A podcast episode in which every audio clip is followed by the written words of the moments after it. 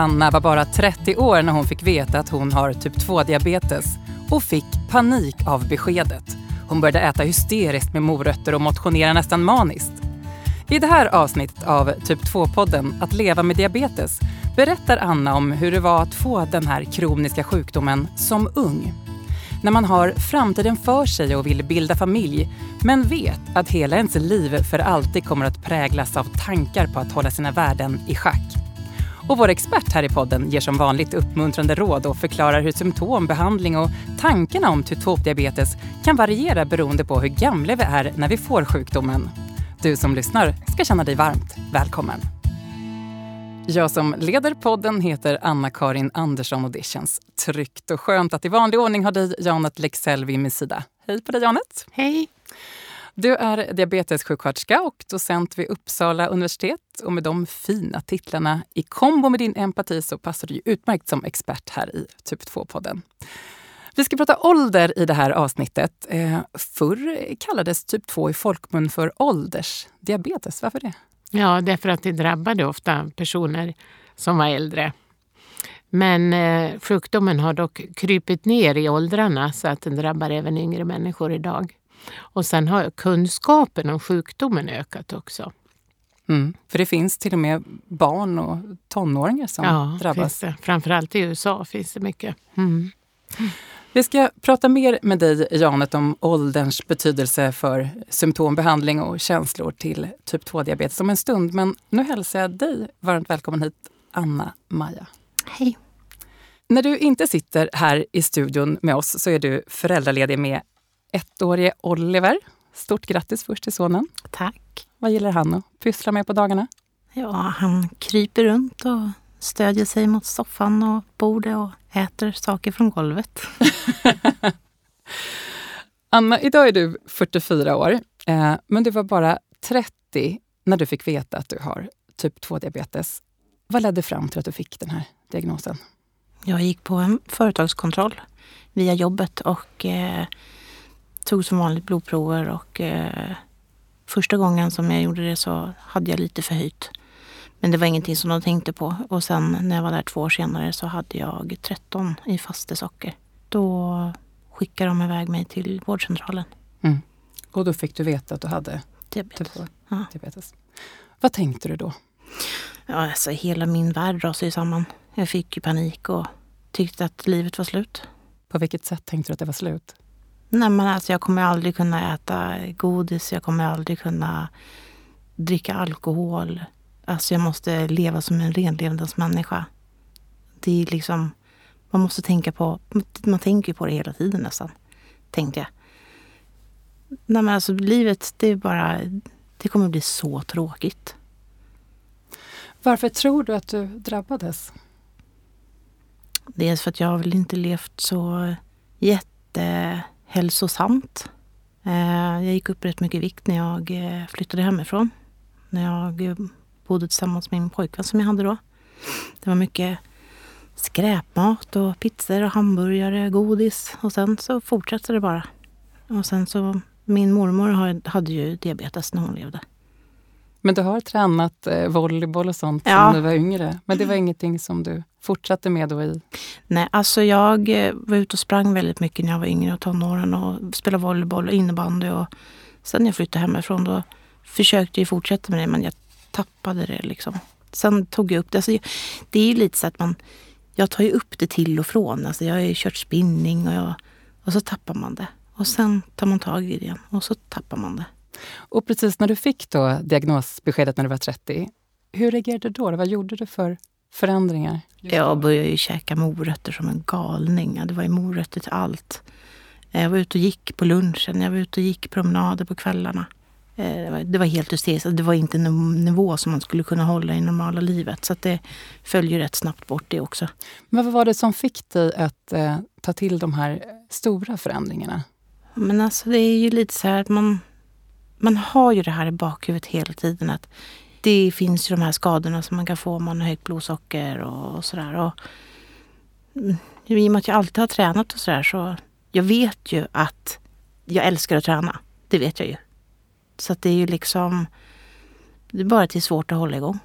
Nu har du levt med typ 2-diabetes i 14 år. Hur skulle du sammanfatta den tiden? Hur har du mått och levt med din sjukdom under de här åren? Det har varit mycket upp och ner. Alltså dalar och toppar och liksom... Vissa gånger så har jag liksom skött mig perfekt. Som under graviditeten, då skötte jag mig perfekt. Eh, men sen så har jag kommit ner i svackor där jag har totalt skitit i att ta min medicin och liksom bara legat i soffan och käkat godis. Eh, för att jag tycker att det är så jävla tråkigt. Men det funkar inte i längden. Sen får man ju ta tag i det igen och så... Och grejen är lite så här, om jag inte mäter mitt blodsocker då har jag inte koll på, på vad jag gör. Då behöver jag inte bry mig. Men sen så kommer det här, oj nu måste jag gå till läkaren, nu måste jag, nu måste jag skärpa mig. Eh, så man lurar sig ju, man försöker lura sig själv fast det går ju inte. Det är ju liksom, det, det blir ju som en så här påminnelse. Jag har diabetes, nu måste jag skärpa till mig. Fast det är ändå för sin egen skull man gör det. Har du någon gång tänkt att, eh, att det är ditt fel att du har fått? Många gånger. Hur tänker du då? då? Nej men att jag inte har levt så, så sunt som man ska göra. Har du klandrat dig själv och tänkt Ja, många du... gånger. Det kan jag fortfarande göra. Faktiskt. Att det ska vara så himla svårt att gå ner i vikt och, och äta nyttigt och ut och motionera. När man vet att man har en livsfarlig sjukdom. Anna, du har ju som sagt varit eh, gravid eh, med typ 2-diabetes. Ehm, och att ha diabetes och vänta barn, det är förknippat med ökade risker, både för fostret och dig som blivande mamma. Ehm, vad tänkte du kring det? Var du rädd att någonting skulle hända med dig och ditt ofödda barn? Jag var ju livrädd var jag. Alltså det, många gånger så har jag känt, det kanske är meningen att jag inte ska ha barn. För att det man vet aldrig vad som händer med fostret. Och klarar jag av att ta sprutor och klarar jag av att leva nio månader. Men sen är det lite så här, jag, var, men jag vill ju verkligen ha barn. Då får jag köra de här nio månaderna och, och göra det bästa jag kan för att fostret ska må bra. Och det gjorde jag också. Härligt att höra. Mm. Janet, jag vänder mig till dig bara. Varför är det ökade risker att vara gravid om man har diabetes? Ja, alltså det är ju, höga blodsockernivåer kan ju leda till fosterskador hos barnet då, framförallt i tidig graviditet. Sen eh, när barnet eh, väl är fött så kan det få då lågt blodsocker. För mammans del då så är det ju ökad risk eh, för havandeskapsförgiftning som ju är ett allvarligt tillstånd som karaktäriseras av högt blodtryck och det sker en del eh, icke så önskvärda processer i kroppen som gör att man kan bli riktigt, riktigt dålig. Och det gör att eh, när man är gravid och har diabetes så, så går man till specialmödravård. Anna, hur upplevde du de mötena? Alltså de var ju helt suveräna. Det var så bra. Jag var ju där nästa, och i början var jag väl där kanske varannan vecka och tog prover och eh, jag hade en underbar barnmorska som tog hand om mig på alla sätt och vis. Och mätte mina blodsockervärden. Och så här. Men i och med att jag var så duktig på att mäta själv. Och, och de, jag fick till och med beröm för de sa det att nej men, du behöver inte ta sju gånger per dag. Men jag, då sa jag så här, men nej men jag vill göra det för att jag vill göra det bästa för mitt barn. Så jag vill veta när jag ligger, i och med att jag tog sprutor då, då så vill jag veta vart jag låg i socker. Låg jag lågt? Låg jag högt? Och, så att jag hade ju väldigt bra blodsocker under graviditeten. Där hade du stenkoll? Mm, där hade jag. Mm. Och allt gick bra med vänta barntiden, mm. eh, som sagt. Eh, och förlossningen och första tiden med lilla Oliver, då, hur var det? Ja, förlossningen blev väl inte riktigt som jag hade tänkt mig. Den slutade med akut kejsarsnitt. Eh, han, eh, hans hjärtljud gick ner. Så att, eh, men då, och då sa de det, ja, nu blir det kejsarsnitt. Och då sa jag bara, ja, vad som helst bara, han mår bra. Så att, jag, jag är nöjd. Jag är nöjd att han kom ut och mådde bra. Mm. Men nu, är det, nu har det gått snart ett år. Och han är en glad liten rackare. Och den oro som du hade innan att någonting skulle hända honom, kunde man se någonting när han föddes som kunde vara tecken på Ingenting. att som mamma hade Nej, han hade suveräna resultat på allting. Så det var toppen. Janet, eh, din dotter har ju hunnit bli 24 år nu. Eh, men vad skulle du vilja ge för råd till Anna utifrån din erfarenhet av föräldraskap? Ja, jag har någon slags livsfilosofi om känslan av ett sammanhang som består av meningsfullhet, begriplighet och hanterbarhet. Och enligt den tesen har jag försökt att uppfostra min dotter. Alltså du vet, äta på bestämda tider och lägga sig på bestämda tider och eh, hjälpa henne att begripa sig på den här världen genom att prata mycket, läsa mycket. Men också det viktigaste, det är ju att visa kärlek och att jag finns, jag finns hos dig. Och jag lyssnar på dig när livet känns lite tungt. Och min dotter brukar säga, ja men du har ju visat mig riktig girl power. och då blir jag glad. Mm. Jan, att du ska få ge tips av lite mer medicinsk karaktär eh, strax också. Anna-Maja, tack för att du delar med dig av dina tankar och din berättelse här i Typ 2-podden. Sitt gärna kvar så ska vi höra lite mer om vad åldern kan spela för roll vid typ 2-diabetes. Först och främst, Janet, när vi nu pratar ålder, när är det vanligt att få typ 2? Jag har tittat i nationella diabetesregistret och eh, jag ser där att de, eh, medelåldern är 68 år och eh, hur länge man har haft diabetes, det brukar benämnas som diabetesduration, det är 8 år. Så runt 60 år är vanligast. Är själva sjukdomsbilden densamma oavsett hur gammal jag får typ 2? Det vill säga, är det samma symptommekanismer i kroppen hos en ung? Ja, det är det. Mm. Men studier har visat att det kan vara farligare att få typ 2-diabetes som ung. Varför då? Ja, alltså det frågar man ju sig. Eh, det vet man inte riktigt varför det är så. Det, dels så är det ju naturligtvis att du har flera år att leva med din sjukdom. Det är ju en faktor. Och också, eh, ja, man vet inte så mycket varför det är så, men att det är en sårbar grupp vad gäller diabetes, det vet man för man har tittat på riskfaktorsmotorn som består av blodsocker, blodtryck, eh, lipider, rökning, fysisk aktivitet. Och då har man sett att det är ännu viktigare när man är ung då att få diabetes, att de där värdena ligger bra. Mm. För att klara sig från följdsjukdomar. Då. Mm. Och vad är det för typ av följdsjukdomar som Ja, det är ju hjärt-kärlsjukdomar förstås, alltså hjärtinfarkt, stroke, men också hjärtsvikt. Eh, därtill förstås ögonförändringar och njurpåverkan. Är det samma behandling då av unga som av äldre med typ 2-diabetes? Ja, i dagsläget är det det. Mm. Rent känslomässigt, då, vad, vad, vad, tror du är för skillnad att få diagnosen som ung jämfört med när du är äldre? Ja, jag tänker så här att när man är ung så har man ju inte kanske haft så mycket krämpor som man har när man går mot 60.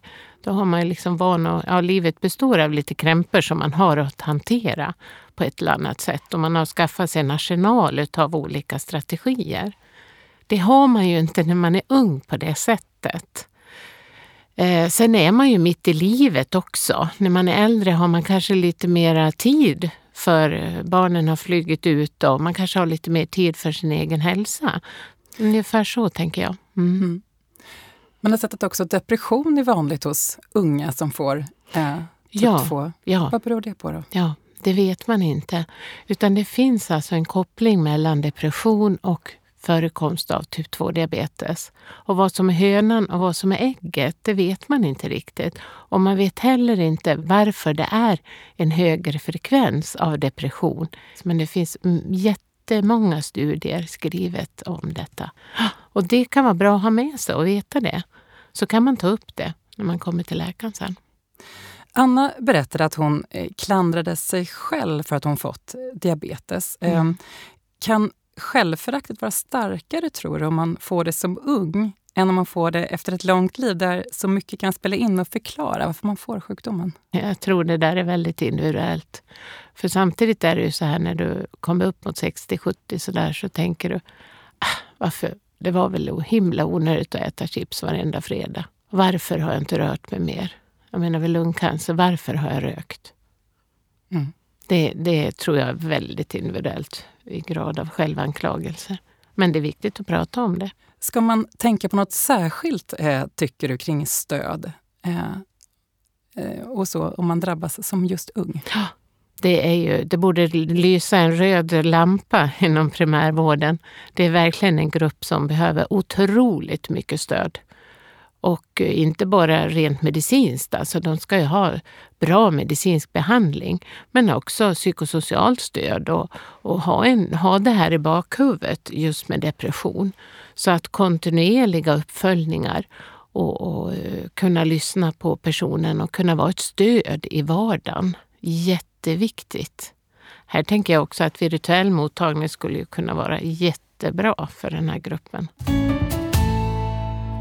Anna, jag vänder mig eh, till dig igen. Eh, vad tänker du om det Janet säger här om skillnaden mellan att få typ 2 när man är 30 och jämfört med 60 som annars är en vanlig debutålder? Vad tror du är skillnaden?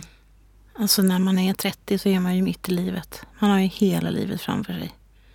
Och det är väl kanske lite som jag tänkt att livet är lite förstört och man kan inte leva som, som ens kompisar och det finns så mycket hinder istället för möjligheter. Man, man blir så negativt tänkande. Svårt att säga förstås, men mm. har du tänkt att fasen kan, kunde inte fått det när jag var 60 istället för 30? Ja, många gånger. Många gånger. Du tror det varit lättare att ta det när du var äldre själv? Ja, det tror jag faktiskt. Jag tror inte jag hade... Jag kanske inte hade klandrat mig själv så mycket som jag gör. Janet, vad tänker du när du lyssnar till Annas berättelse? Vad, vad ska hon tänka på? Ja, jag, jag satt och verkligen lyssnade på dig. Och eh, ja, jag blir lite mm, engagerad kan jag säga i dig. Ehm, eh, och då satt jag och tänkte så här, jag undrar just vad du skulle behöva för stöd så att du slutar att självanklaga dig så mycket och se det så negativt. Eh, därför att det finns också en genetisk faktor, ska man komma ihåg. Du rår ju inte riktigt till fullo för, för det här. Det mm. är så. Mm. För jag har ju gått och tänkt så här. Tänk om jag hade fortsatt träna som jag gjorde när jag var i tonåren och, och skött mig. Då kanske jag aldrig hade fått diabetes typ 2. Mm. Fast det kanske jag hade fått i alla fall. Det vet det jag inte. Det vet du ingenting om. Nej. Du har en ökad sårbarhet för det. Mm. Ja. Men jag tänker, vad tror du själv att du skulle behöva för stöd så att du liksom switchade dina tankar lite där. Vad skulle du kunna kräva av andra, tänker jag? Du kan inte bara lägga allting på dig själv. Min diabetessköterska har faktiskt mm. krävt att jag vill gå oftare. Bra. Eh, för att jag känner att jag, jag mm. behöver göra det för min egen skull. Bra. Mm. Jättebra. Jag måste ha den här pushen hela tiden. Så kontinuitet är ja, ett ja, sätt? det faktiskt. Ja. Mm. Trots dina omtumlande år med sjukdomen så verkar det som att du ändå har det okej nu med lille Oliver, ja. eh, man och bonusbarn och allt.